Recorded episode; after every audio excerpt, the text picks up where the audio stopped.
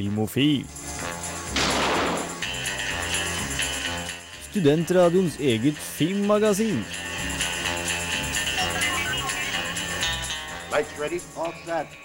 Cameras. Hei, hei, hei, og velkommen til Filmofil. Jeg heter Gaute, og jeg står her med mine to druger, Jens Erik Våler og Kristian Vallervann. Hei til dere. Vi har fylt glassene med melk for at vi skal bli skjerpa nok til å gjøre en ultrabra sending. Rider right. Først og fremst vil jeg snakke om ukas konkurranse. Som dere kanskje hører, så er det litt sånn creepy syntegreier som spilles i bakgrunnen. Og jeg lurer ganske enkelt på hvordan film er denne musikken fra? Det er en veldig kjent eh, åpningsscene. Eh, I dagens sending skal vi f.eks. Eh, ha anmeldelse av eh, Olaf Froskesnapper, en eh, dansk barnefilm, eh, og eh, In Time Stemmer. og Killer Elite Oh, eh, yes. skal vi ha. I tillegg til de vanlige tingene som eh, Videonytt og Ukas filmlåt. Og spesielt for i dag også at vi har utvida til to timer. Altså Vi har én time på FM og én time som eh, bare går på streamen. Så hvis dere vil, så har dere faktisk to timer med Filmofil i dag. Stemmer det, vet du. For jeg og Kristian har jo vært på filmfestival i Oppdal. Yes. Det har dere også. Det blir mye prat om filmfestivalen som heter Ramaskrik. Nå skal vi høre litt musikk. Det blir Fiddler med Got No Money.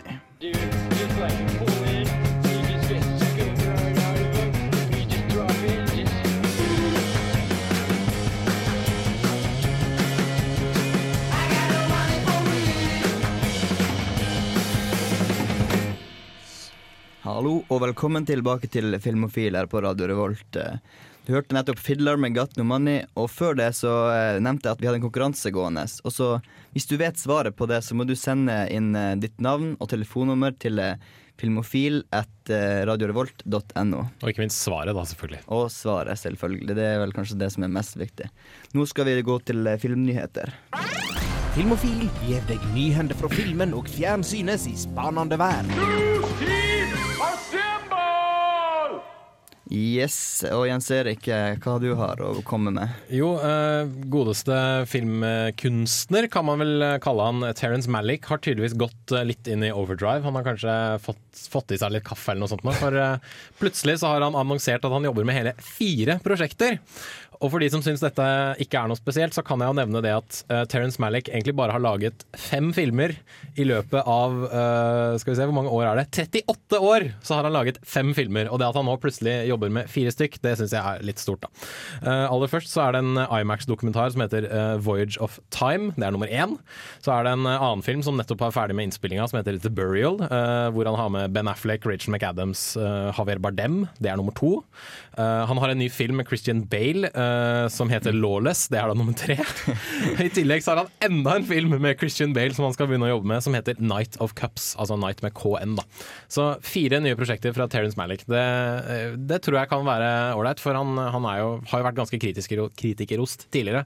Så på tide at han bruker disse kreative kreftene til, til noe eh, litt oftere, da, syns jeg. Absolutt gode folk som har fått med seg til at det virker som det kan bli et spennende prosjekt. And Christian. Yes. Vel, etter å ha gjort ferdig filminga med The Avengers og gjort ferdig Match About, nei, match Ado About Nothing Skal vi til Joss Whedon nå, eller? Jo- Ja, det, det, jeg skulle si det. Du er bart. Ja, eh, jeg har gjort ferdig Match Do About Nothing med Nathan Fillion i all hemmelighet. Det ble stort på tolv dager. Oh, yes. Så har eh, Joss Whedon annonsert sin nyeste film, som har tittelen In Your Eyes. Eh, filmen skal bli laga av Whedons nye produksjonsselskap, som heter Bellwether Pictures. Um, og ifølge Deadline så er filmen en metafysisk romanse. Hva nå, hva nå det er for noe. Det har ikke noe Eh, med vampyrer å gjøre, altså. Nei. Det, det er en metafysisk romanse om to vidt forskjellige personer som er mye, knytt, mye tettere knytta til hverandre enn det man skulle tro. Så Whedon har skrevet, skrevet filmen, filmen, og den skal bli regissert av Bryn Hill. Hmm. Ja. Jeg er spent. Eh, mer nyheter? Er det tilbake til meg? Ja, tilbake til Jens Erik. Eh, jeg vil snakke litt om James Bond. For Ja. nå har vi fått en ny Bond-babe. Hun heter eh, Bernice Marlot. Eh, hun er fransk, Hørtes selvfølgelig. sexy ut. Eh, jeg har et bilde av henne her. Hun, hun er ganske sexy. Er ikke hun ganske sexy? Ja, hun er ganske pen. Er ganske er ganske pen. Uh, hun skal da være, hun skal være Bond-dame i eh, Bond 23, eller Skyfall, som den også heter. Jeg vet ikke om det blir James Bond kolon Skyfall, eller bare Skyfall, eller hva det blir. Men uh, ja, Og dette passer jo litt inn i disse primært relativt ukjente Bond-pikene som allerede har kommet. Hun følger jo liksom i skoene til Olga Kurilenko, Gemma Arterton og Eva Green, som alle som stilte opp i eh, Quantum Solace og um, Herregud, da, nå sto det helt stille for meg. Den, eh, Casino Royale. Casino Royale. Takk, fy fader. Men uh, ja, jeg har trua. Dama er vakker. Bondpiker skal være vakre. så um, dette kan bli bra, tror jeg. Blir digg. Siste nyhet til deg, Christian. Ja, uh, Taylor Lautner kan ha fått redda karrieren sin. Takket Tviler jeg på. Ja, det, det tviler egentlig jeg på, jeg håper på det. Uh, men takket være Gus Van Sant, som bl.a. står bak uh, Paris je t'aime, eller Paris jeg elsker deg. Jetem. Je t'aime, ja, jeg kan ikke fransk, dessverre. Men ja, nei, etter Abduction så ble det jo litt bevist at uh, ja, Taylor Lautner er ikke veldig flink. Ja, Hva du ga den? To Jeg, jeg ga den en uh, ener. Du ga en totalslakt? Okay. Ja, jeg ga den totalslakt, total og den har vel blitt slakta ganske sånn av de fleste.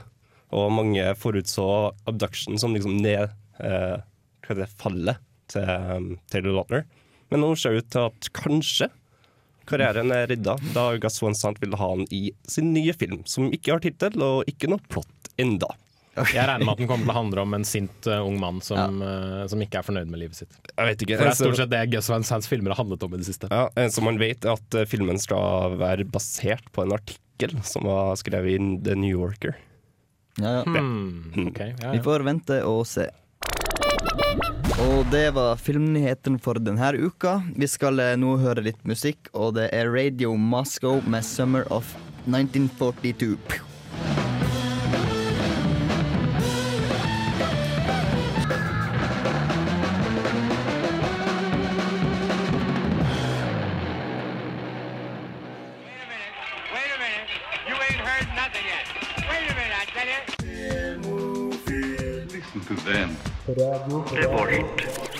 Yes, listen to them. Det vil altså si listen to us, filmofil på Radio. Revolt. ok, Vi skal til ukas anmeldelse, og den første filmen er en eh, science fiction thriller action-ting Ja. som du har sett, eh, Christian. Med Justin Timberlake? Med Justin, Justin Timberlake. Jeg ser ikke for meg han i en science fiction-film. Ja, Det var vel Just in Time, da. Just in Oi, time oi, oi. Timberlake. Just in nice, nice. Ok, Vi skal bare, bare kanskje høre hva du sier da, Christian. Ja. Har du noen gang tenkt på hva du vil gjøre med den tida du har?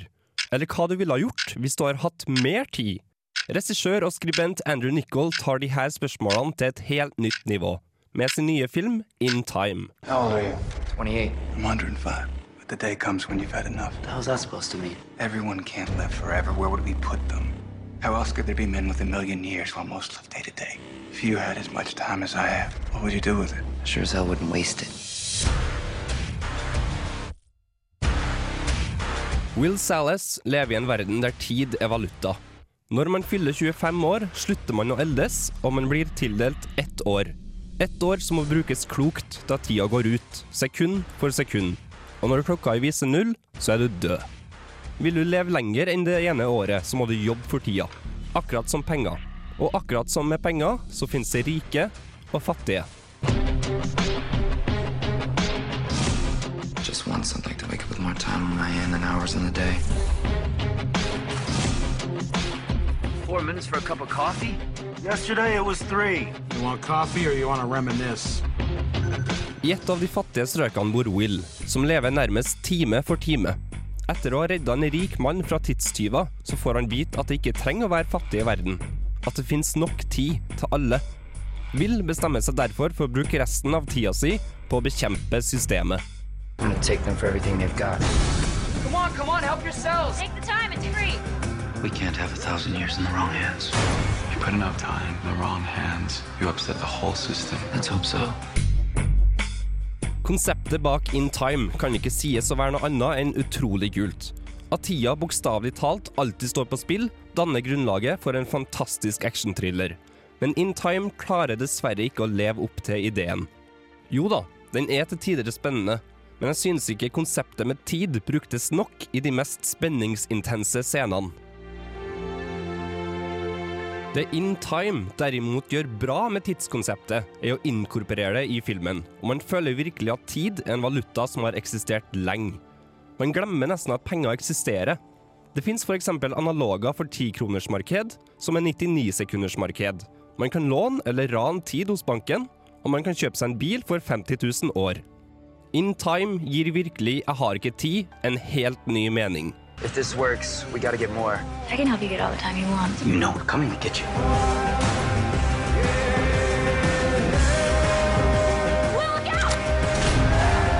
His crime wasn't taking time, he was giving it away.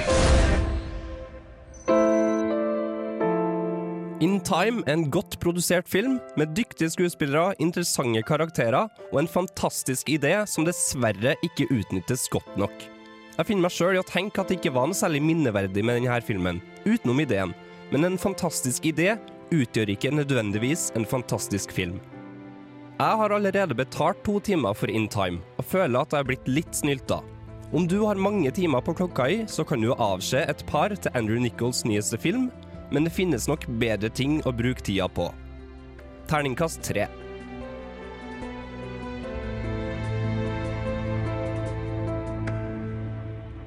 Der hørte du Faced med How Come You Never Go There. Vi holder fortsatt på med ukas anmeldelse, og neste film er en eh, dansk barnefilm.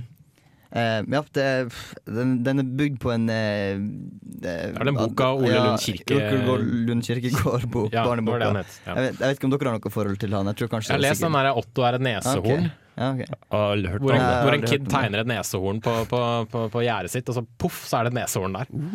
Ja, men eh, den, den er visst veldig populær i Danmark, da, og nå Ja, det er det gjort til en animasjonsfilm i 3D. Vi skal bare høre hva de sier om den.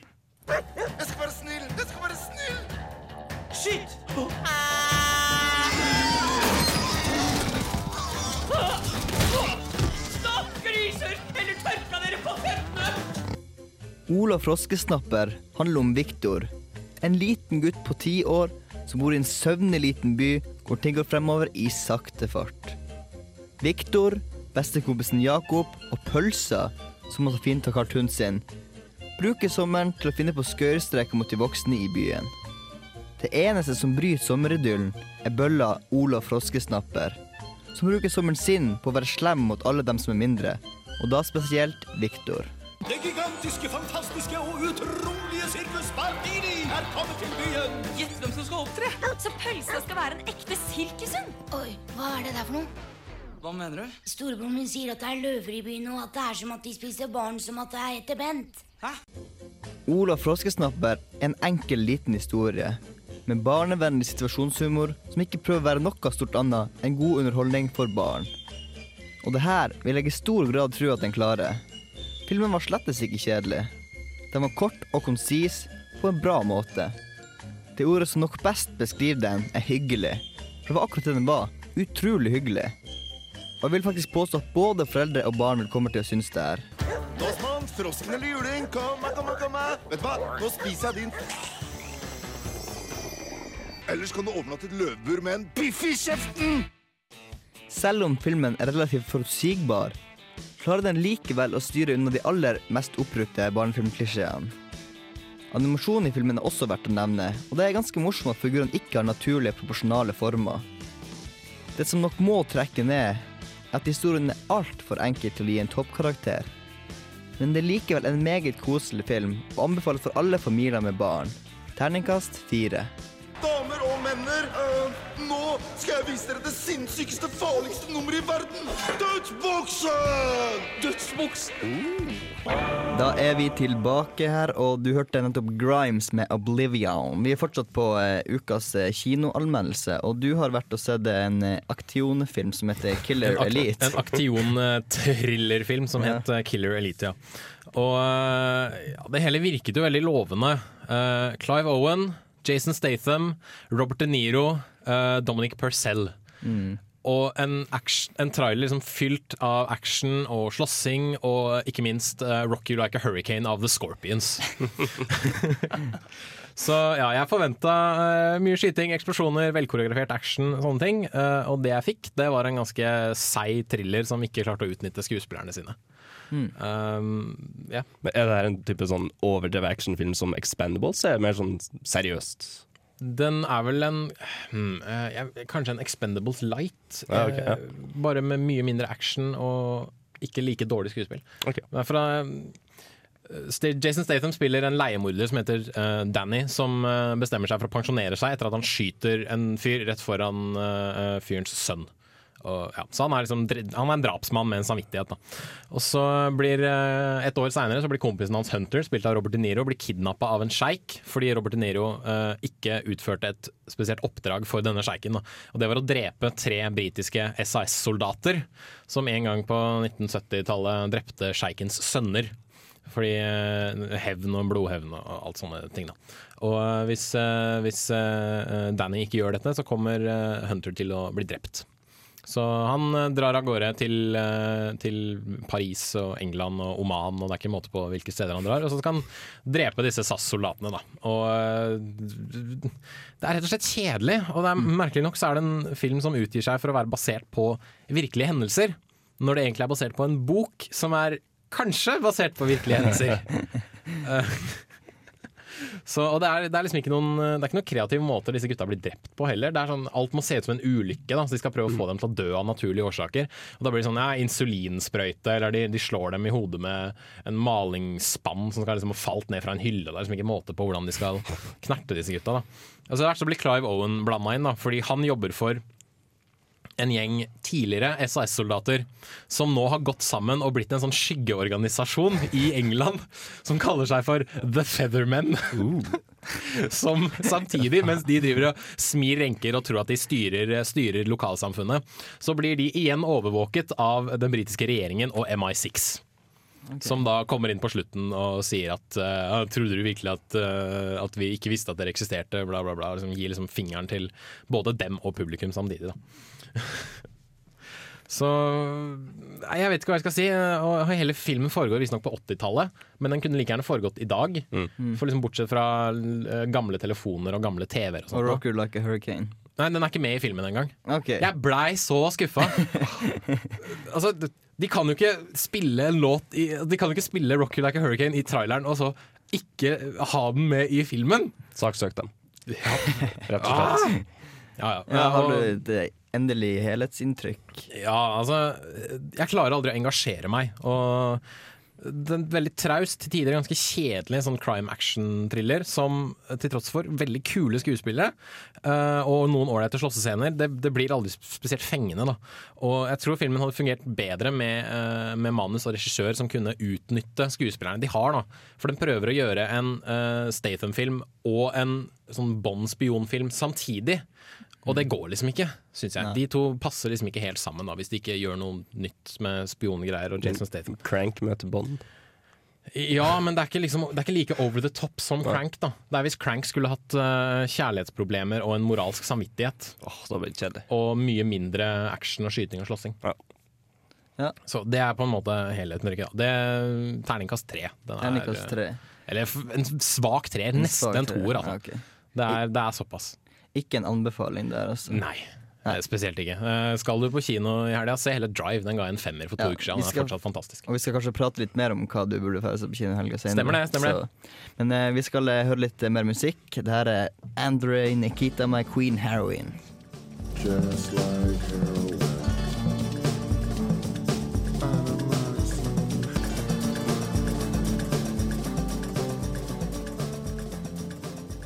Play it once, Sam. Det er jo alltid ha musikk når den er påtent. Helst noe indisk eller pakistansk. Ukas filmlåt. Ja, nå er vi på spalten som vi har så fint har kalt Ukas filmlåt, eh, og den har vel du tatt med, Christian? Yes, det har jeg. Det er ifra, i hvert fall etter min mening, Guy Ritchies beste, beste film, 'Snatch'. Vet du hva? Det er jeg enig i. Ja. Jeg er kanskje også enig. Det er bra. Slipper å ha masse banning og sånt i studio som sist gang. Eh, og kan jeg bare si at jeg syns ikke Sherlock Holmes var så fantastisk. jeg. Jeg har ikke sett den, så Helt, helt Men det er jo en litt annen type film enn Snatch. Ja, og- jo, men jeg følte at hvis han kunne liksom bare gjort Sherlock Holmes som Snatch Eller Lockstock. Ja. Det hadde vært dritkult. Ja, Fortsett. Ja. Uh, nei, det er fra eh, en, den siste boksescenen. Uh, Mickey må vel legge seg ned og sånt i tredje runde. Jeg husker ikke helt uh, detaljene. Eh, Mickey og da den her uh, sigøyneren som de finner. Eh, Spilt av Brad Pitt. Spilt av Brad Pitt, stemmer. Um, og selvfølgelig, eh, Mickey går ikke ned. Og så begynner da um, Oasis med Fucking In The Bushes, som er en episk fet sang, episk fet scene. Enjoy. Episk fet film. Episk fet film.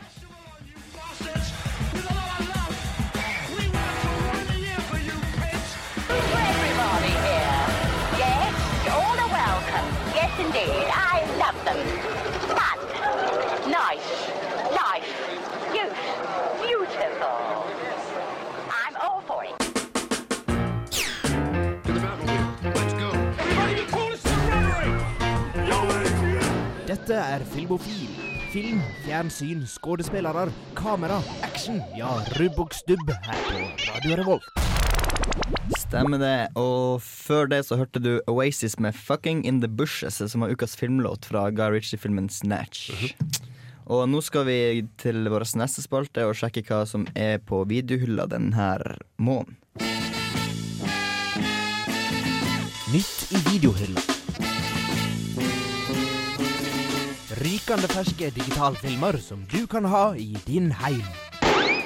Ja, jeg mente selvfølgelig uka. Hvilken eh, video som er på hylla denne uka. Og, og eh, har du noe, for eksempel, å begynne med, Christian? Det er ganske mye bra denne uka her, faktisk. Eh, Space Jam tror jeg kanskje er min eh, nostalgiske favoritt. Er det lenge altså. siden du så den? Jeg så den når den kom på kino, så det var 97 eller et eller annet sånt. Så burde du kanskje se den igjen. altså, Ja, den er kanskje ikke like bra nå, men eh, Jeg har en gammel sliten VHS-kopi av den Oh. filmen liggende hjemme i, eh, i for, foreldreheimen. Holdt jeg, på å si. jeg har aldri sett på den siden etter jeg blei tolv. ja, nei, jeg så den filmen om og om, og om igjen og spilt spillet som var på PlayStation om og om, igjen. Så Ja. Ja, Ja, nostalgi der, altså. absolutt. absolutt. Apropos mer enn nostalgi. Hook. Yes. Steven Spielberg-filmen Hook er ute på Blu-ray Og eh, Robin Williams som Peter Pan, som en litt mer seriøs Peter Pan, Mm. men han er bra Peter Pan. Og ikke minst, uh, herregud er Dustin Hoffman. Dustin Hoffman, takk. Uh, han fra The Graduate, vet du. Uh, som Kaptein Hook. Og Bob Hoskins som Smee. Og jeg tror faktisk den godeste eh, Julia Roberts er med i Mm. den filmen også. Spiller ikke ut Tingling? Nei, jeg. Jo, jeg tror det er Ja. Tingling. Eh, og ja, Hook Jeg sier bare Rufio! Ja, det- Rufio! Det er altfor lenge siden det har skjedd Hva? at jeg tar referansen. Det ble jo en et meme, til og med. Men Hook den anbefales. Steven Spielberg i sånn god gammeldags eventyrform som bare vil lage, vil lage en litt sånn kul barnefilm.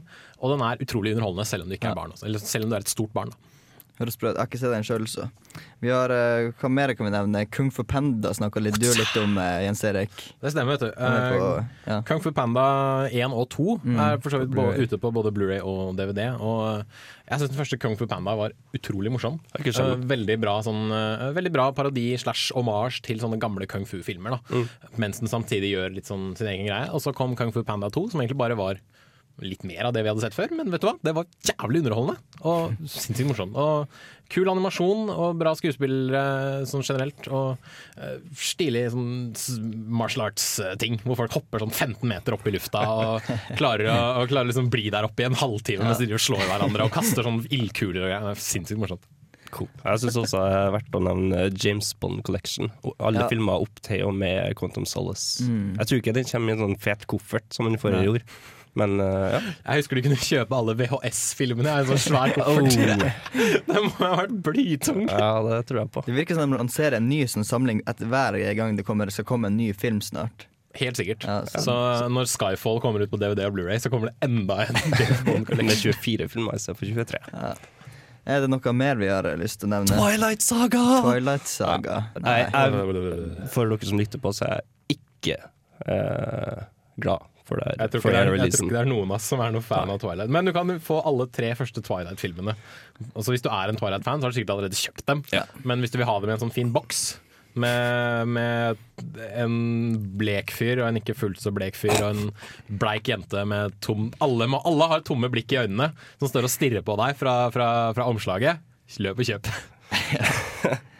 Ja, det var det siste anbefaling vi hadde, eller anbefaling i hermetegn. Et par sånne eh, japanske animasjonsfilmer, Ponyo og Porco Rosso eh, for eksempel. Yes, fra Studio Ghibli, som Mm. jeg er stor fan av. Som eh, blant annet eh, hadde produsert en film som vi så på Ramaskrik, Ja. Arietta. Så eh, veldig pene, veldig morsomme mm. japanske animasjonsfilmer. Ja, det var nå det vi hadde. Vi skal høre litt mer musikk. Moody Blues med Ride My Seesaw.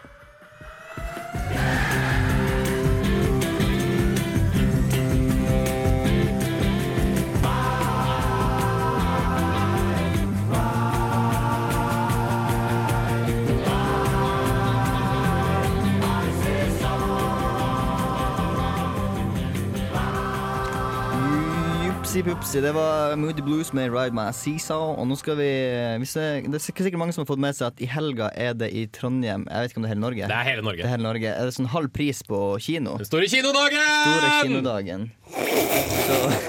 What?! Fuck dere. Det er, det er et Ble kjempe. Og de, her i Trondheim viser de en haug med filmer. Vi skal eh, snakke litt om eh, hva vi kan anbefale Ja, for vi, vi ble jo kontakta av en eh, lytter på Facebook, Ja. facebook.com slash filmofil, som, som skriver følgende. Hva er verdt pengene på den store kinodagen på lørdag? Har lyst til å se en film. Orker ikke slå opp alle filmene på IMDb. Har dere et lettfordøyelig sammendrag noe sted? Help me, filmofil. You're my only hope. Ja, den referansen her. Takk for Star Wars-referansen der, ja. Nicolas. Vi liker det. Virkelig. Så da tenkte vi kunne gi en liten oppsummering, kanskje. Hva er verdt å se, og hva er ikke verdt å se? Eventuelt bare hva som er verdt å se. Ja, jeg tror også det. Det er ikke vits å si noe annet. Så. Men uh, det er jo som sagt en haug med film. Jeg vet ikke hvem som har lyst til å begynne å anbefale noe. Vi uh, Drive. Drive. Terningkast fem. Ja, det, du, det Ja. var forrige uke. Du- Det var to uker siden. Ja, to uker siden. Drive, det var en uh, Jeg vet ikke hva det var. Det er en, Drama eh, action. en slags crime action-thriller. Ja. med ja, bare, bare hør anmeldelsen, radiovolt.no slash filmofil. Men den anbefales på det varmeste. Det er en herlig 80-tallsfil på den Så eh, filmen. absolutt. Så absolutt. Men med, med stilig 80-tallsaktig musikk og Mm. stilig 80-tallspreg. Og det er ikke måte på hvor mye 80-talls du får ut av den filmen. Um, Contagion. Contagion som er så Ja, det er grei nok eh, film å se det også, det, hvis du har eh, lyst til det. ikke, Det var jo den smittefilmen jeg, som sykdom og sånt. Jeg ga, eh, jeg ga den fire, og jeg anbefaler den ikke til hypokondere, og det står jeg fortsatt ved. Så hvis du er hypokonder, så anbefaler vi ikke den. Jeg kjenner jeg blir litt sånn småforkjøla, så kanskje Ja. jeg skal dra og se Contagion. Ja, jeg fikk ekstra lyst til å vaske hendene og aldri ikke ta med ansiktet etter den filmen, så man blir litt mer påpasselig. Men også Hodejegerne, nå som er mørke, virkelig tar tatt fatt. Stemmer. Er jo spennende, så du ikke har fått det med deg enda Det God vært- film, det der. God film, det er absolutt. Og jeg vil også anbefale Oslo eh, 31. august, hvis ikke du har sett den, som jeg ga en sekser da den kom ut. Så. Eneste sekseren dette semesteret, Ja. tror jeg. Mm, Så den vil jeg også absolutt anbefale til dere som ikke har sett den ennå. Mm. Jeg vil gjerne eh, sleng The Thing out there. Mm. Out there. Altså den nyeste. Den ja, den nyeste. Altså, ja, det er jo den som går på kino, så ja, se den. Den er, den er veldig bra. Jeg ga den en femmer. Det er jo også en del litt sånne hva skal jeg si, events som skjer. Eh, Harry Potter 7 del 1 og 2 eh, vises jo. Eh, jeg ga del 1 en firer. Jeg har ikke sett del 2 ennå. Det er litt sånn skamfullt av meg. Så kanskje jeg skal Det er en midnattsvisning, da. Ja. Som begynner klokka 001 eh, natt til lørdag. Og så er det et Ringenes herre-maraton som Mm. også begynner eh, 00.01. Og eh, ja hvis du, hvis, du, hvis du klarer å holde deg våken i ti timer etter å ha vært våken en hel dag uh, før, dra gjerne og se Ringenes herre-maraton. Man burde dra på fylla og sove hele dagen, og så dra på Ringenes herre-maraton. Det må, bør du nok, ja. Jeg sovna da jeg var på Ringenes herre-maraton sitt. sist. Er det extended, eller er Jeg tror det er normal uh, cut. Eh, og så er det jo eh, en del førpremierer. Tower Heist, blant annet. Mm. Den anbefaler jeg sånn halvveis under tvil. For den har ingen sett ennå. Nei. Uh, samme med Real Steel, for den har vi heller ikke sett. Um, men uh, jeg vil også anbefale Toy Story 3. Ja, Det, den vises under liksom ban- banneret barnefilm, men det er jo Pixar, så jeg mener at dette er, dette er jo brukbart for alle, så, Ja. syns jeg. Uh, også innenfor animasjonskategorien Tintin, sånn litt Mm. under tvil. Jeg ga den jo en treer. Men den har ellers fått det ganske OK, så det er liksom Yes. Så jeg er tydeligvis det sorte fåret blant anmeldersfanden i Norge. altså, Er den verdt 60 kroner? 50? 50, ja, 50-60. Ja, 50 kroner vil jeg si at Tintin er verdt. Ja, 100 spenn? Nei, det Nei. syns jeg ikke. Uh, og så er det jo en del filmer som er på vei ut fra kino også, sånn som Tree of Life, Friends with Benefits. um, kanskje godeste Bushwagner for de som er kunstinteresserte og liksom vil se en, en litt annerledes dokumentar. da. Du så jo 'Sønner av Norge'. Er den verdt å plukke Ja, opp, eller? den er også verdt å se, eh, Mm. for en eh, ganske billig penge. Og det er veldig, veldig Mm. sterk sånn ungdoms eh, vokse opp-film. Vi kan vel da bare oppsummere at det er veldig mye bra i for alle, alle folk, og du finner garantert noe du liker å se, så Ja, for barnefamilier kan jo f.eks. se Ole Brumm, den vet jeg går. Mm. Uh, ja. Den, Eh, du var ikke så begeistra for den? Nei, Olle. men det er jo ikke en film som er ment for meg heller. Nei. Jeg ga den en treer, men altså, for folk med barn så er det veldig nok barn. Og veldig Da så koselig. jeg også den Olav Fluesnapper, Mm. som er den firer, som du kan også ta med kidsene dine hvis du, hvis du er kommet så langt i livet, da. Ja, og hvis kidsa dine absolutt må så en, sen film til, så kan du kanskje se Poppers pingviner, selv om jeg syns den var ganske bedregelig da jeg så den. Smurfene? Nei, de går ikke lenger. Takk Gud for det! For de, smurf åh, de smurfene, altså. Ja, Smurfene 2D. Den er her. Ah, nei! Men ikke dra og se den, Ok, da. ikke se smurfene. Så sier vi- Under noen omstendigheter. Ja, nei, men eh, det var det vi hadde å si om eh, kinofilmen. Nå skal vi høre han eh, whisky-oppdrukne røykekaren Tom Waits. Han spiller også i filmer, forresten. Han spiller også filmer, og han er kul i filmer, syns jeg. Absolutt. Mm. Tom Waits med 'Raised Right Men'.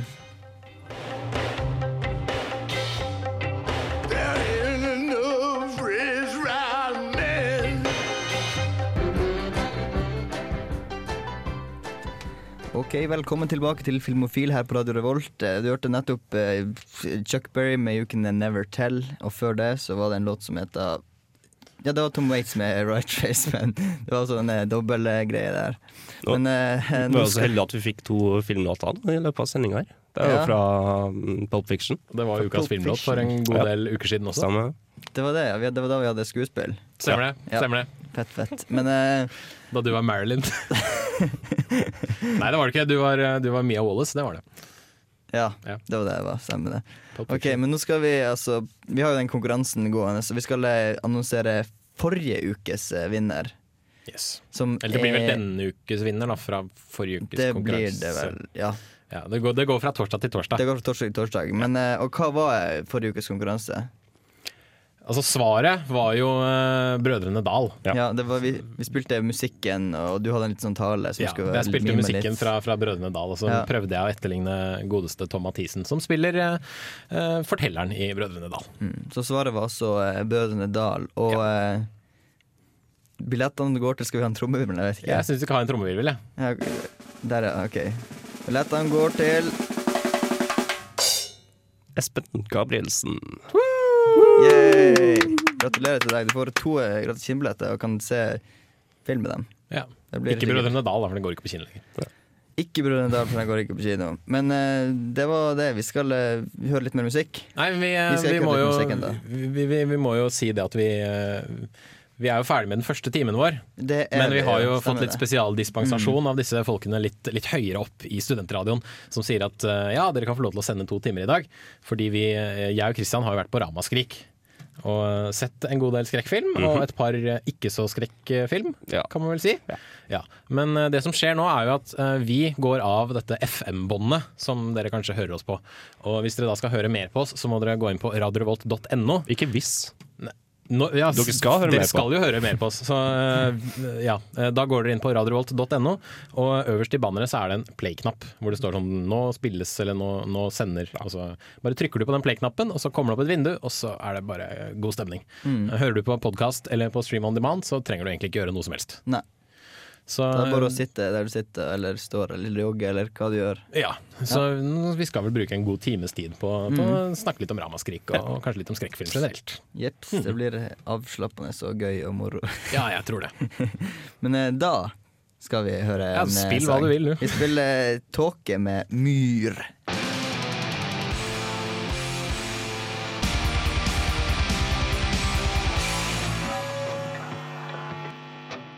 Filmofil? Jeg er ikke filmofil. Nei, tydeligvis var han ikke han det. Er du det, Jens Erik? Jeg er da her, er jeg ikke det? ja, vi er nok det alle sammen. Men eh, Vi skal prate litt om eh, festivalen som eh, Jens Erik og Kristian var på forrige helg, var det? Det stemmer det. Vet du. Det, Ramaskrik i Oppdal. Yes. En ting jeg Eh, lurer på før dere begynner, er liksom, hvordan var stemninga? Hvordan, hvordan var det å være der, bare? Eh, Jeg har jo aldri vært i Oppdal før, så jeg syns det er kjempekoselig å, å være på nye steder og se litt hvordan det ser ut. Jeg likte Oppdal. Oppdal var et litt koselig sted. Mm. Jeg synes Til å begynne med så var det kanskje litt sånn lite folk og sånt, men etter hvert så ble det, ble det bedre. Det var vel litt sånn når folk eh, hadde kanskje tid fra liksom sine gjøremål og sånt for for vi Mm. var jo der først på en fredag, og da er det jo en del folk på jobb og sånt fortsatt, så Mm. utover kvelden på fredagen så kom det vel flere folk, ja. tror jeg. Da ble det bedre, bedre liv. Mm. Ja. Så skal vi bare begynne å prate om eh, hva dere har sett, eller og, Ja, altså, dette var jo den aller første Ramaskrik, Mm. eh, men eh, vi syns vel at eh, de klarte å arrangere alt sammen sånn veldig bra. Det var veldig en, en godt gjennomført festival, syns vi, sånn overall. Nå gikk jo vi glipp av første dagen. Det gjorde vi, dessverre. Eh, mest fordi vi Altså, vi var jo her, selvfølgelig, Mm. og hadde forrige, vi hadde sending forrige torsdag. Og det, det er jo dyrt å ikke nødvendigvis dra på festival, men vi måtte jo overnatte i Oppdal på, på et hotell. Vi spanderte oss på oss det, da. Men Mm. kun én natt, og ikke to, da. Så var det sånn toggreier i tillegg, så det Men um, vi fikk jo se uh, Hvor mye var det vi kom fram til? Tolv Ah. filmer og to kortfilmer. Ja, jeg tror det var det vi kom fram til. Ja, og det er ikke verst på to dager. Nei, de Og- visste jo 20 filmer, tror jeg. Så vi dekket jo godt over, litt over 50% Det stemmer det. Uh, så eh, ja eh, skal, skal vi sette i gang, eller? Ja, vi har jo allerede postet på radiorolt.no slash filmofil eh, disse to rapportene våre. Hvor vi satte oss ned etter eh, begge dagene med, med film og bare oppsummert oppsummerte litt hva vi hadde sett. Um, og folk fikk jo kanskje et lite innblikk der i hva vi syntes, men nå, nå skal vi kanskje gå litt mer uh, i dybden. Eh, hvis uh, Mm. Jeg lurer også på litt eh, ting. Har de en profil, liksom? Sånn, eh, spill, var det, det var liksom amatører? Var det det som var Det var stort sett eh, profesjonelt lagde okay. filmer. Eh, noe av det var kanskje litt mer sånn indie, Ja. og så var det noe norsk amatørfilm som blei Mm. vist. da. Og det gikk jo for å altså, Taglinen er jo 'Norges skumleste filmfestival'. Og det ble jo vist en del skrekkfilm, men det var en del andre filmer som, som ikke var liksom, direkte skrekk. Nei. Som var mer sånn eh, ja, fantasy-ish. Det var litt animasjon, litt sånn ting for de yngre, på, i hvert fall på på eh, morgenen på lørdagen, og så ble det jævligere og jævligere etter hvert. Så det var litt eh, sånn ty var typisk monsterfilm og sånt også. Så, Ja, så det var, ikke en veldig typisk ting. monsterfilm Ja. eh, som vi så på lørdagen. Det, kommer etter hvert til etterpå. Men jeg, jeg foreslår at vi kanskje spiller litt musikk, Ja, og så det vi går vi gjøre. litt sånn, setter i gang etterpå. Vi skal prate mer om Ramskrigsstad etterpå, men først skal vi høre Valley of the Sun med Deep Light Burns.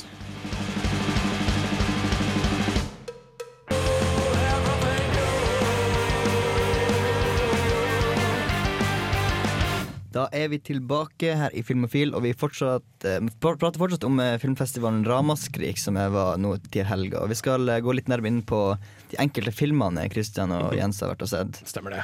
For vi kom jo til eh, Oppdal veldig tidlig fredag morgen. Vi dro Mm. jo herfra fra Trondheim halv ni. Noe sånt, ja. Noe sånt. Altså, Første filmen starta jo ett, og det var Innkeepers. Innkeepers.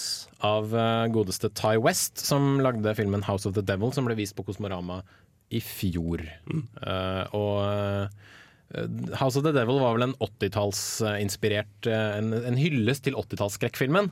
Og eh, med, med Innkeepers så syns jeg han oppgraderte seg selv fra 80-tallet til tidlig 90-tallet.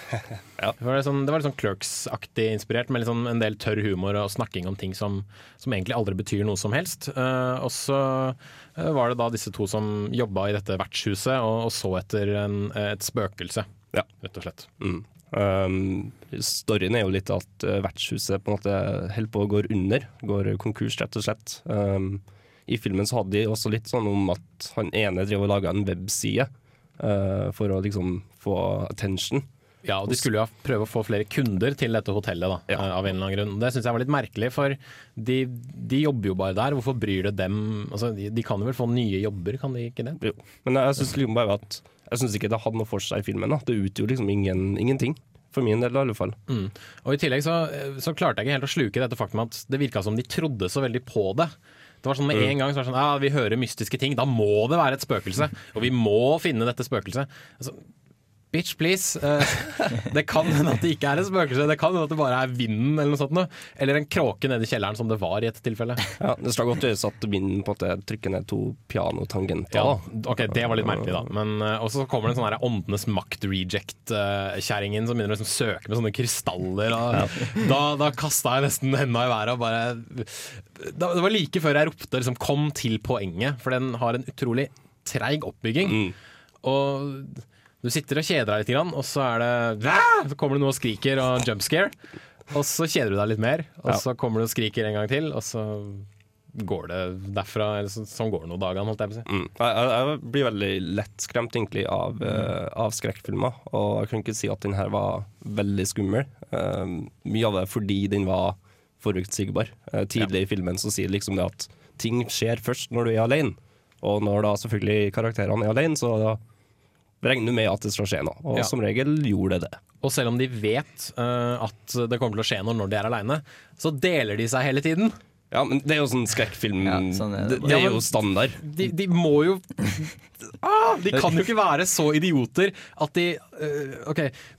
Hun jenta skjønner det at å shit, det skjer et eller annet når jeg, går, når jeg er her alene. Og så sier han, så sier han eh, som jobber sammen, jobber sammen med henne, det at ja, OK, bare bli her, og så går jeg opp, og så henter jeg tingene mine.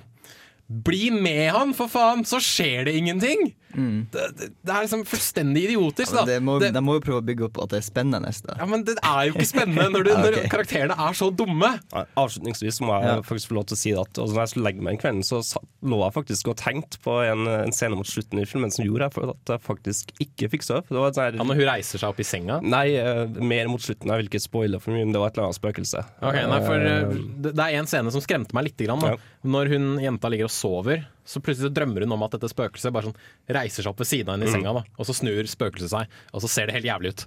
Det var skummelt. Men resten av filmen Har du ikke lyst til å trille en terning, eller? Tre? Tre. Ja. Tre. Men uh, vi har jo sett så mye film som vi kanskje, kanskje bruker litt uh, mer tid på en film til, som jeg så. Uh, Julius Ice, uh, Guillermo del Toro hadde produsentrollen. Ja. Det starta kult, uh, hinta til noe overnaturlig, og så var det ikke noe overnaturlig allikevel.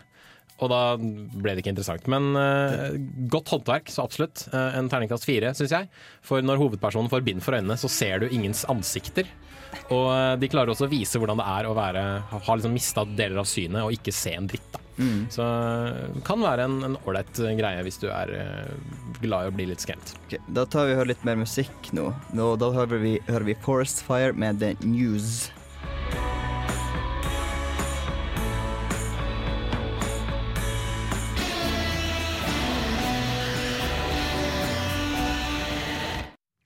Da er vi tilbake igjen, og vi fortsetter Det var en fryktelig merkelig avslutning på den låta. ja, det var veldig fort. Eh, men eh, sånn, men eh, ok, for, vi prater fortsatt om Filmofil og skal prate mer om hvordan filmer dem så, og hvordan de kan synes om dem. På Ramaskrik. ja, på Ramaskrik. snakker om Ramaskrik i Mm. Ja, eh, etter Julius Ice så så jeg en, eh, en, en, eh, HP Lovecraft-inspirert film som het The Whisperer in Darkness. Som ble introdusert faktisk av godeste Mats Eriksen, tegneren bak tegneserien M. Mm. Og han møtte jeg dagen etterpå og fikk han til å signere en M-album for meg. Så han har tegna en sånn Star Wars-figur. Cool. Eh, Whisper in Darkness handler om, eller tar inspirasjon fra HP Lovecraft sin novelle med samme navn. Som handler om en universitetsprofessor som eh, reiser til eh, annet, eh, en liten landsby oppe i fjellene hvor det har gått rykter om at det er eh, krabbevesener som driver og flyr rundt da, og, og eh, skremmer lokalbefolkningen og dreper dyr og diverse annet. Og eh, Han tror ikke på dette her selv, men har fått en del bevis da, på at eh, disse krabbevesenene faktisk eksisterer. Eh, Og Deretter så er det en litt sånn sakte oppbygging mot et, eh, et eh, lite voldsomt klimaks som, som etteraper sånn 1930-tallsestetikk. da. Så mm, Alt er laget av HP Lovecraft Historical Society, som tidligere også har laget en, en stumfilmversjon av en av Lovecraft sine, sine verker. Og um, det, hele er veldig godt gjennomført og utrolig pent å se på, for alt er filmet i sånn høyoppløselig HD-film. i svart-hvitt. Så du ser, du kan liksom telle folks rynker og kviser og diverse annet. Men fordi alt er filmet i høyoppløselig HD, så eh, klarer du å se skjønnhetsfeilene mye enklere. Så sånn dårlig CGI, som det er litt av i filmen, og liksom dårlig blue screening og green screening, det ser du veldig tydelig. Men der er likevel en uh, ganske interessant film. eh, ikke en interessant filmatisering av noe som tidligere har blitt, eh, blitt uh, Som har blitt påstått å være ufilmelig. For greia med disse Lovecraft-monstrene er at folk aldri de klarer ikke å beskrive dem. De bare ser et eller annet og sier ah, 'dette klarte jeg ikke å beskrive, for da ville jeg blitt gal'. eller et eller annet sånt. Og, så, og som regel så slutter historiene med at de bare stikker av fra der de er. da. Men uh, hvis du klarer å få tak i Whisper in Darkness på DVD eller Blu-ray, anbefales den uh, Ikke under tvil, men anbefales. Men uh, liksom, vit hva du går til. At den er i svart-hvitt. Den er kanskje litt treig, og det er en masse skuespillere du ikke vet hvem Mm. er. Men terningkast fire. Terningkast fire. Jeg var jo Etter Innkeepers så var jo jeg også Prey, som er en fransk ja, skrekkfilm, kan man si. Det handler om en familie som i et landområde, og som driver med kjemisk fabrikk og noe sånt. Um, og En dag så finner de en hjort som er liksom helt revet opp i et elektrisk gjerde. Og så vet de da at det er noe uh, villsvin som har uh, gjort det her.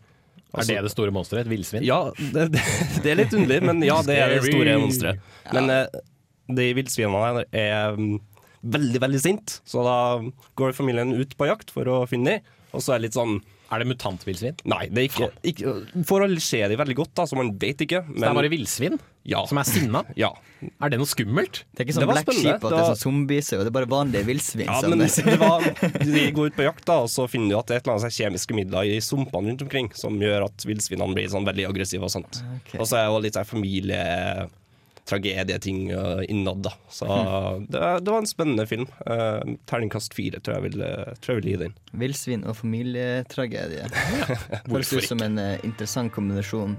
Vi skal ha litt mer musikk. Dette er Royal Headache med Girls.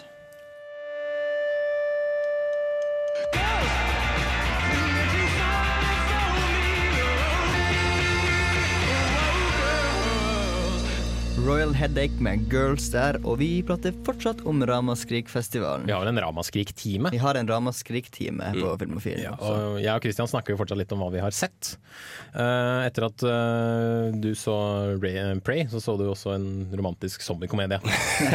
Ja, men det er vel det man kan kalle det. Deadheads, som handler om en kar som våkner opp som zombie. Greier ikke helt å innse det med det første. Uh, og utover filmen da, så skal han uh, finne sin tidligere kjæreste, fordi han skulle egentlig gifte seg med henne. Så han, uh, hele filmen handler om at han egentlig prøver å liksom tracke ned hun da. Men eh, har han en sånn craving som zombie? Nei, han har ikke. Han, Han er bare, en, han er bare død, liksom. Han er bare, ser, bare, ser bare litt jævlig ut. Han ser bare ut som zombie. Han vil ikke ha kjøtt og sånne ting. Han vil ha vanlig mat, som er vanlige mennesker. Kjedelig, ja. Nei, men det, det blir veldig gøy. Han møter en, en kar som er sånn som han, da, som ikke er en vanlig som, ja, som ikke er en standard zombie. Uh, så de slår seg sammen som et godt Kombis. Så det er en, det er en zombie roadtrip-film eller noe? Ja, det, du kan si det sånn. Men, Fy faen, nå angrer jeg på at jeg ikke så Deadheads. det, det sies at uh, det er fantastiske karakterer i filmen. Det er Veldig sånn god grindhouse-feel, bare mer sånn parodi-ish. Uh, så ja, veldig vittige karakterer, morsomt skrevet og sånt. Så, ja. Terningkast? Terningkast fire. tror jeg. Ja. Det virker som det blir en del firere. Men uh, nå tror jeg vi skal skrape litt bunn av bøtta her. Mm. For uh, etter at eh, du så Deadheads og jeg så Whisper in Darkness, så slo vi oss sammen Ja. og så uh, Dickface, som var en jævlig kul kortfilm på Ja. to minutter. Om en mann som har en nese som ser ut som en penis, som han spiser, og så blir den stiv. Og så kan han ikke spise den lenger, og så blir den slapp igjen, og da spiser han den igjen. Det var i to, to minutter. Det var en Ja, bra er- oppsummering på rundt om 15 sekunder. ja. Og så kom Sector 7. Ja, etterfulgt. En koreansk eh, film inspirert av Alien og The Host på en oljeplattform. Ja. Og vi forventa skikkelig kul monster action. Ja, jeg forventa sverd og alt mulig sånne Skikkelig ting. ja. balls out, Ja. insane Asian-greier. Det fikk vi ikke. Nei. Det vi fikk var eh, egentlig ganske kjedelig, Ja. eh, og ikke minst veldig forutsigbart. Og veldig drøyende. Ja, og et eneste stort melodrama, egentlig, hvor det plutselig dukker opp en monster. Ja. Og monsteret var jo i og for seg altså, var alt i 3D. Ja. I sånn merkelig digital 3D, hvor du så at uh, alt var digitalt. Altså Alt var dataanimert på en eller annen måte. Bakgrunnene, forgrunnene, nesten karakterene var dataanimert i ny og ne. Helt sinnssykt. Men, uh, det, og det var en sånn type film hvor du kunne telle ned når monsteret kom til å dukke opp, og så knipse, og så dukka monsteret opp. Hm, Og, Forutsigbart. Ja, den slutta vel egentlig på tre forskjellige, gang, tre forskjellige ganger. Om ikke fire, jeg husker ikke helt. Men det var, det var sånn 40 minutter der jeg satt opp og tenkte meg oh, please come on. Og så skal den presse inn et slags budskap på slutten. om, liksom, eh, om den koreanske oljeindustrien da, og hvordan Korea er dødsdømt hvis de ikke klarer å utvinne all denne oljen. Og, så, eh, og dette har de baka inn i en monsterfilm! Hvor et eller annet svært sånn mutantting som, som brenner, du, som brenner liksom som olje når du tenner på den. Da, altså, da har de stappa en sånn miljø En sånn environmental message da, i Ja. denne filmen. Det passa ikke. Det passa så til de grader ikke! Og uh, monsteret så altså, Det så jo veldig ekkelt ut. Ja, monsteret var bra. Og det ville ikke dø! Nei. Det, altså, Michael Myers kommer tilbake fra døden hele tiden. Det samme gjør liksom Jason Voorhees og Freddy Krueger og alle de gutta her. Dette monsteret slår dem alle. Det blir skutt 20-30-40 ganger med harpun og med hagle og med diverse annet. Det blir tent på tre ganger. Eh, Det blir drukna, og så viser det at nei, det kan svømme. Eh, Det kan overleve sånn knusende dybde på havet. Og det er faen meg ikke måte på hva dette monsteret klarer å overleve. Det klarer å hoppe opp fra vannet, sånn 50 meter opp, da. Så stor fart har den under vannet. Og så ender det hele dritten med at den blir delt i to av et sånn derre uh, undervannsbor. Og da var det faen meg på tide. Da kasta jeg hendene i været og ropte 'takk'. På tide. Jeg, jeg satt faktisk og tenkte på sånn hm, Kommer det til å våkne til live igjen? Du forventer det nesten, men da var hele dritten delt i to. Så. Det kommer eh, kanskje en oppfølger der han er på oh. ferdig igjen. Terning? Jeg håper ikke. Én. Veldig enig. Enig. Én, én, én, én. Eh, Beklager, Ramaskrik. Jeg vet at eh, liksom, hjertet var på riktig sted. Sector 7 var dårlig. okay. to- Det er ganske totalslakt der, altså. Vi skal høre litt til musikk. Der er det med The Good Fight. You. Nå intro til det neste stikket. Eh, før det hørte du Fonté med The Good Fight.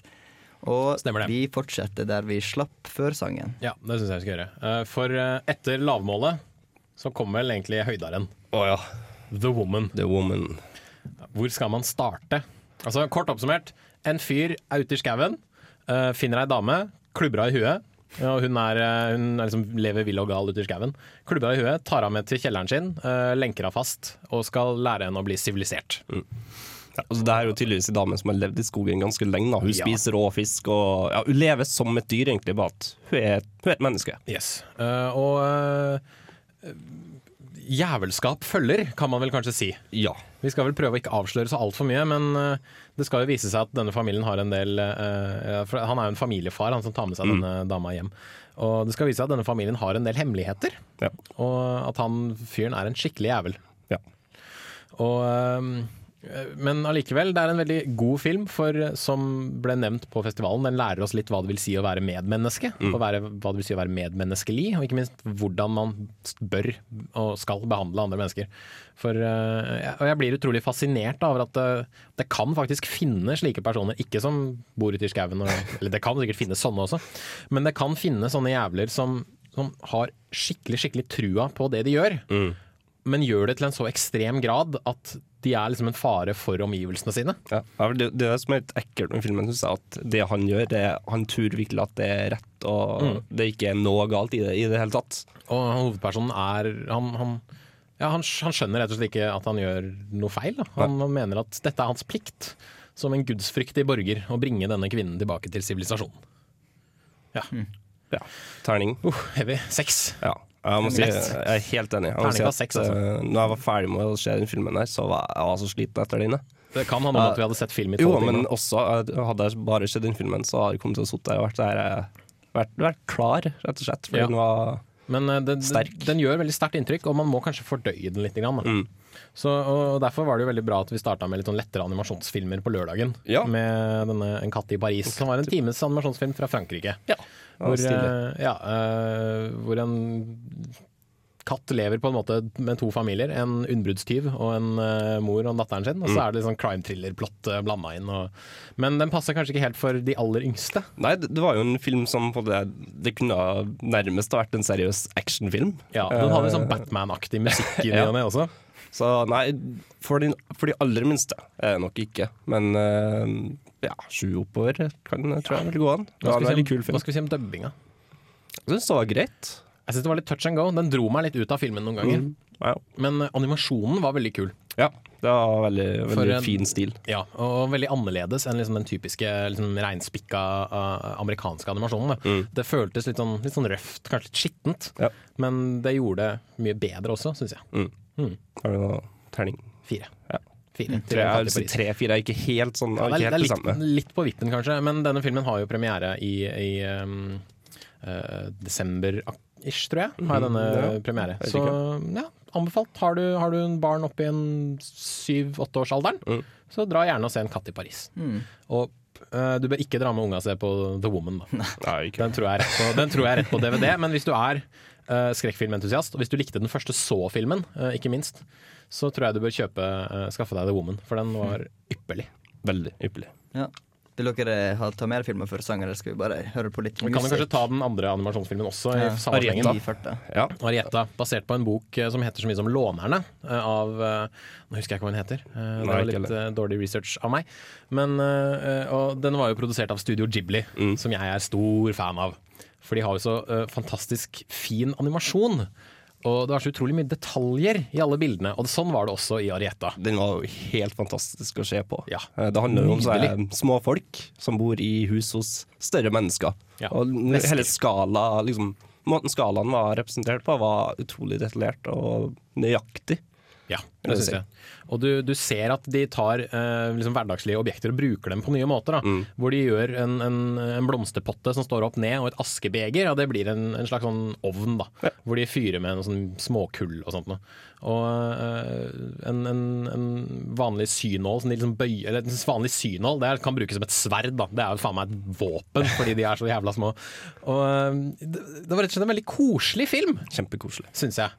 Og øh, det var, ikke, det var ikke Miyazaki, det var en annen en øh, Det står kanskje i programmet som du har der. Eh, ja, skal vi se, skal vi se Eh, Hiroshima Yonabashi altså. Yonabashi er jævlig dårlig på Japansk. japanske navn. Men, eh, men eh, nei, det var en veldig koselig film. Hiromasa Yonebayashi. Ja, takk. Yes. Eh, men koselig film. Terningkast fire. Terningkast fire. Og da tar vi låt. Det her er Medfeet Talib Kweli med 'Classic'.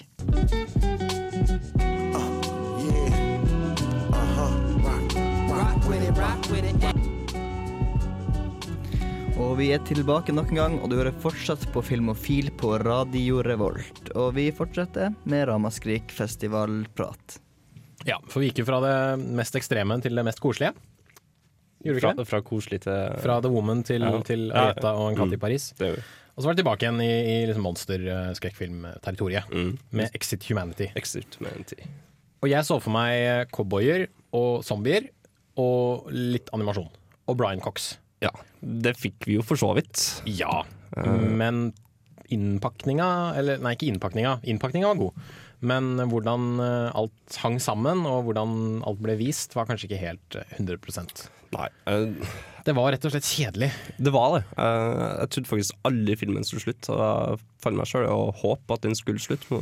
Sånn ca. en halvtime før, om ikke mer. Mm. Jeg tror det er litt sånn, Men det er jo kanskje litt følelsen man får når man er på filmfestival òg, at man, man blir kanskje litt enda mer filmkynisk. Ja. For det blir sånn her Å, filmen jeg så i stad, den var så lang, så håper jeg at denne ikke er like lang.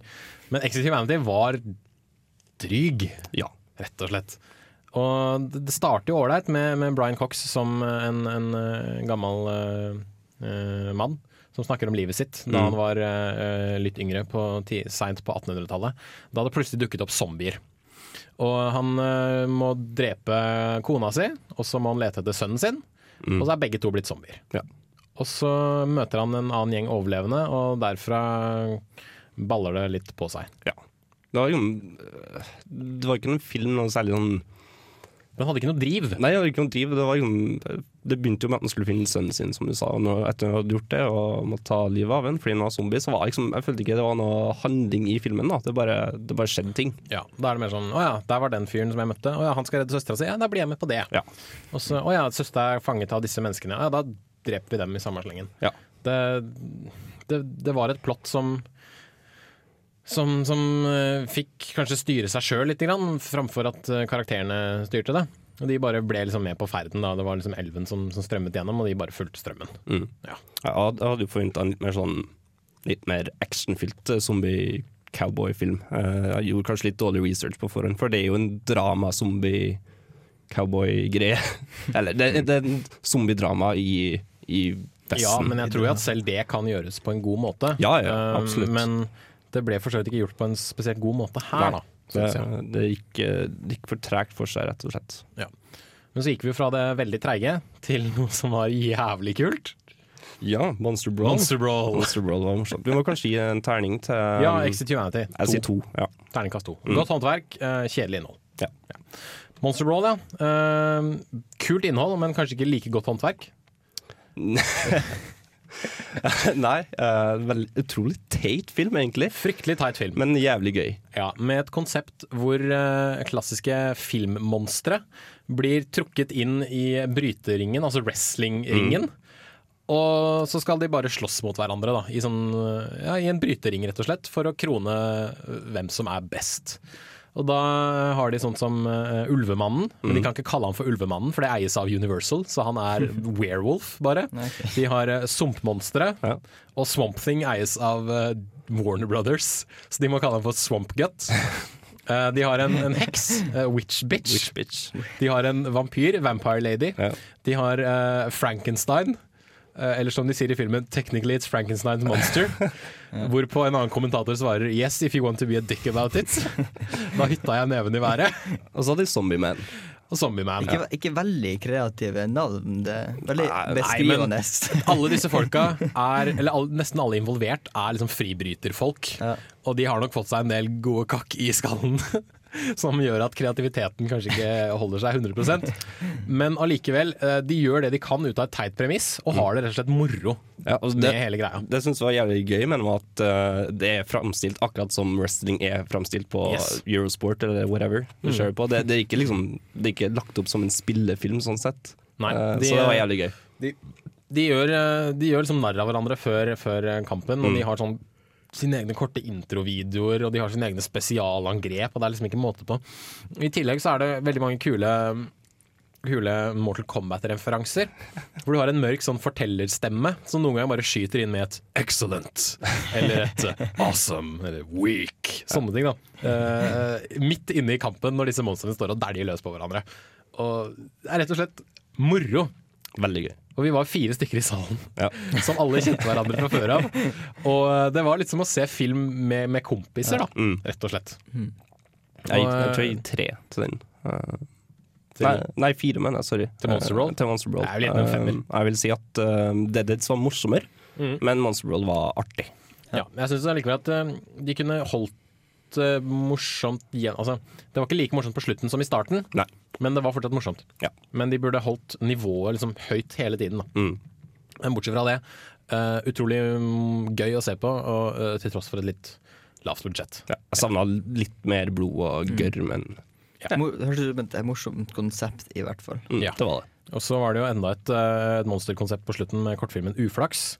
Som jeg ikke kan kaste noe dom over, for jeg er inhabil, for jeg kjenner manusforfatterne. Så kort, hva, hva syns du om Uflaks? Skuespillet kan jeg ikke si var noe annet enn elendig, egentlig. Det var et par unntak, noen som var litt flink.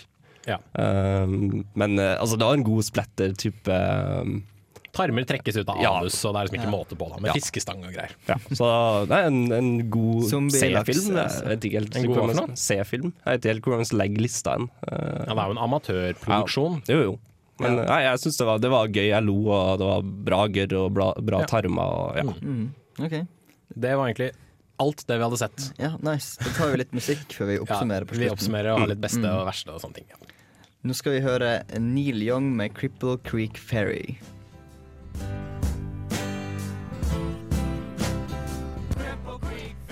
Ja, da er vi tilbake og skal ta en liten oppsummering på ramaskrik-praten vi har hatt der. Vi har jo snakka jævla mye, så skal vi snakke Mm. litt grann til. Og hvis det ikke har gått hull i øra på deg ennå, så um, går det nok snart.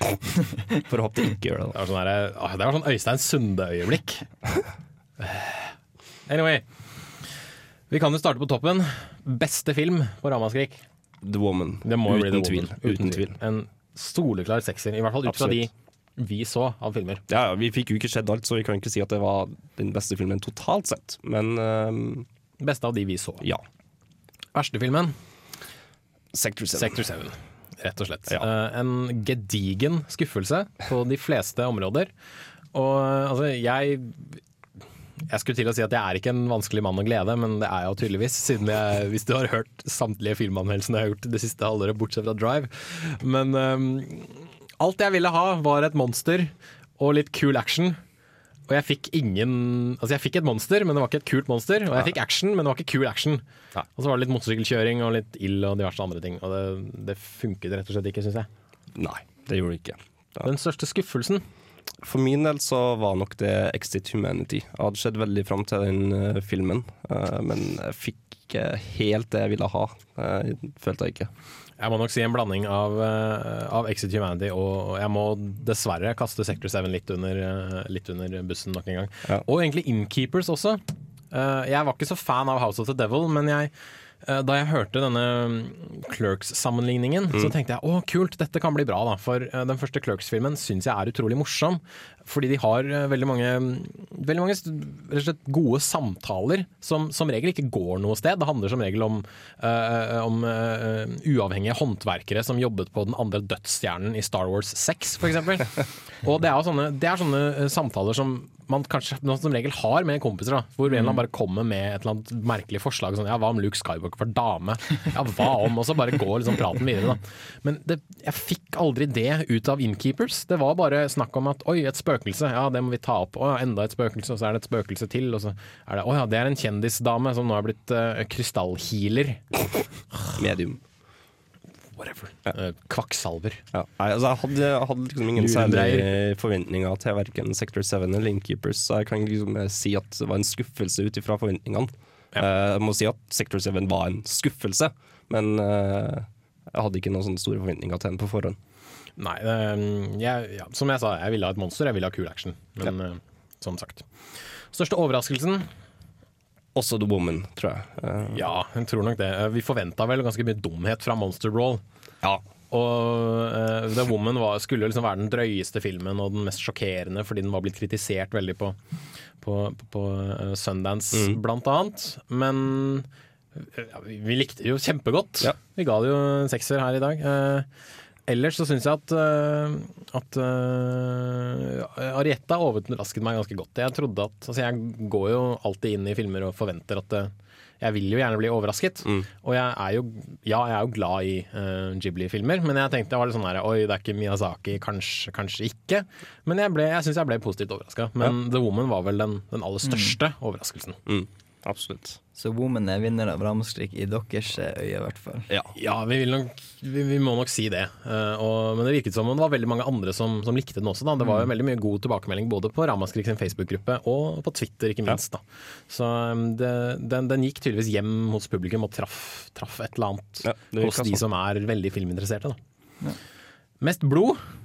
Jeg må faktisk si at i, Prey så var det veldig mye blod, men det var mer sånn realisme over det. Mm. Um, Dead Deads hadde litt, også litt sånn blod og gørr og splatting og sånt, så uh, Mest realistisk blod, Prey. Mest overdrevent eh, splatter var Dead Deads. Ja, uh, så var det meg, da. Mest blod. Um, det, det, det, ingenting. Kanskje, kanskje The Woman. Det var mye ekkelt og ting som foregikk der. Da. Folk som blir bitt i nakken og ting blir revet av. Og det må ha vært for meg, da, for jeg så jo ikke disse andre filmene. Uh, kulest konsept. Der syns jeg Julius Eyes, den så jo ikke du, men Nei. som sagt, det handler om en kvinne som holder på å bli, bli blind. Og når du ser ting eh, gjennom hennes øyne, du ser sånne point of view-shots, så har de liksom mørket ut kantene, da, sånn at man kan se hvordan det kanskje er å, å miste synet. Da. Det syns jeg var et utrolig godt gjennomført greie. Da. Ja, jeg må si at um, Monster Brawl. Monster Brawl var et utrolig kult konsept. Uh, jeg syns ikke det var så godt gjennomført som det kanskje kunne vært, Men det var uansett en veldig, veldig god idé. Ja. Som åpner døra for en oppfølger, Ja, ikke minst. Det gjorde den også. Så kanskje vi får en Monster Brawl 2 Brawl Harder, eller eh, The Reckoning, eller et eller annet sånt dum uh, oppfølgertittel. Men hvis det kommer, da kjøper jeg den Blu-rayen med én jævla gang, altså. For eh, det, det bare må bli bra. Ja, det tror jeg. Har vi flere kategorier? Eh, ikke i mitt hode. Har du noe bare du vil si? Hva syns vi om festivalen generelt? Det var vel, jeg syns det var en god festival. Ja, det, det syns jeg. Det var, som vi har sagt før, det var litt tekniske problemer og sånt, men det hører, hører vel med, vil jeg tro. vi returnerer jo til, til neste år, gjør vi ikke det? Ja, det håper vi Det på. syns jeg vi skal. Ja, jeg har lyst. Og, um, vi kan vel invitere folk fra Ramaskrik hit for å snakke litt om hvordan de syns det gikk selv. Mm. selv. Ja. Prøver å få til det. Mm. Yes. Ja. Da var det vel en fin oppsummering av, eh, av Ramaskrik og hvordan de, eh, Jens og Kristens inntrykk var da. Men nå skal vi høre litt mer musikk, og det er Radiohead med Body Snatchers. I do not understand.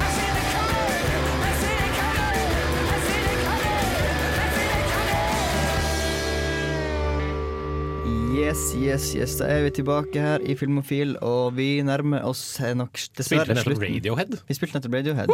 kult. Med Body Snatchers fra In Rainbow Bow, som kom ut i 2005. Stilig. Stilig. Enig i det, altså. Men eh, ja, vi skal vel bare ta og oppsummere hva vi har uh, snakka om i denne to times sendinga vår. Vi har snakka veldig mye, i hvert fall. Mm. Vi, vi begynte jo med eh, nyheter, de husker jeg ikke, men det var noe Mye rart. Jeg tror vi må rett på, på kinoanmeldelse. Da begynte vi med Christian sin uh, In Time, Mm. med Justin Timberlake, som uh, var en uh, du Si noe hva du sa om den. Terningkast tre var på den. Det var det du Mm. mm. Det var en sånn science fiction-aktig Ja, så greie. sci-fi action-thriller. Mm. Ja. Og jeg så eh, Ola Fluesnapper, en eh, dansk barnefilm eh, basert på en eh, barnebok av han eh, Ole Lund Kirkegård. L- Ole Lund Kirkegård. Som også var en eh, Jeg tror, jeg tror unger og foreldre kommer til å synes det er en eh, Jeg sa Hvis jeg skal oppsummere filmen med ett ord, så har det vært hyggelig. Ja. For det var en veldig hyggelig film. Som jeg ga terningkast fire. En enkel og hyggelig film. Og du eh, Jens var også Killer Elite. Ja, eh, en eh, crime-thriller som prøver å gjøre både en kul Jason Statham-film og en kul spionfilm, og det klarer han ikke i det hele tatt. Så det ble en treer, nesten toer. Den er mm. kanskje på DVD en eller annen gang Ja. hvis, du, hvis du ikke har noe annet å se, men hopp over den på kino. Ja. Og så gikk vi over til videohylla, og der anbefalte vi Hook, for eksempel. Kung Fu Panda. Kung Fu Panda og Space Jam Space for litt sånn nostalgi, nostalgifølelsen. Og det var kommet noe ut, i James Bond-samling igjen, og Mm. diverse små eh, tjafs som man kan eh, huke tak i hvis, Mm. man, hvis man vil. Mer eh, tok vi tak i Vi har jo denne store kinodagen, Ja, hvor det var en lang liste med filmer. The Thing, Drive, Contagion, Mm. uh, Tintin under tvil til halv pris. Det går greit.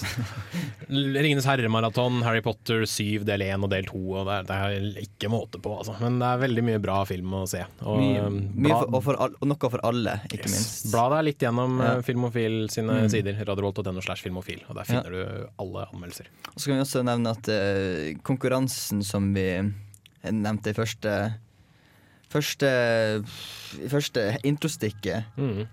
da Stikk det- der da vi prater på radio, Ja, okay, så, så, ja, da, det var altså det vi hører nå i bakgrunnen. Da spurte jeg hvor er denne musikken fra. Og det er en åpnings, fra en åpningsscene til en veldig, veldig kjent film. Ja.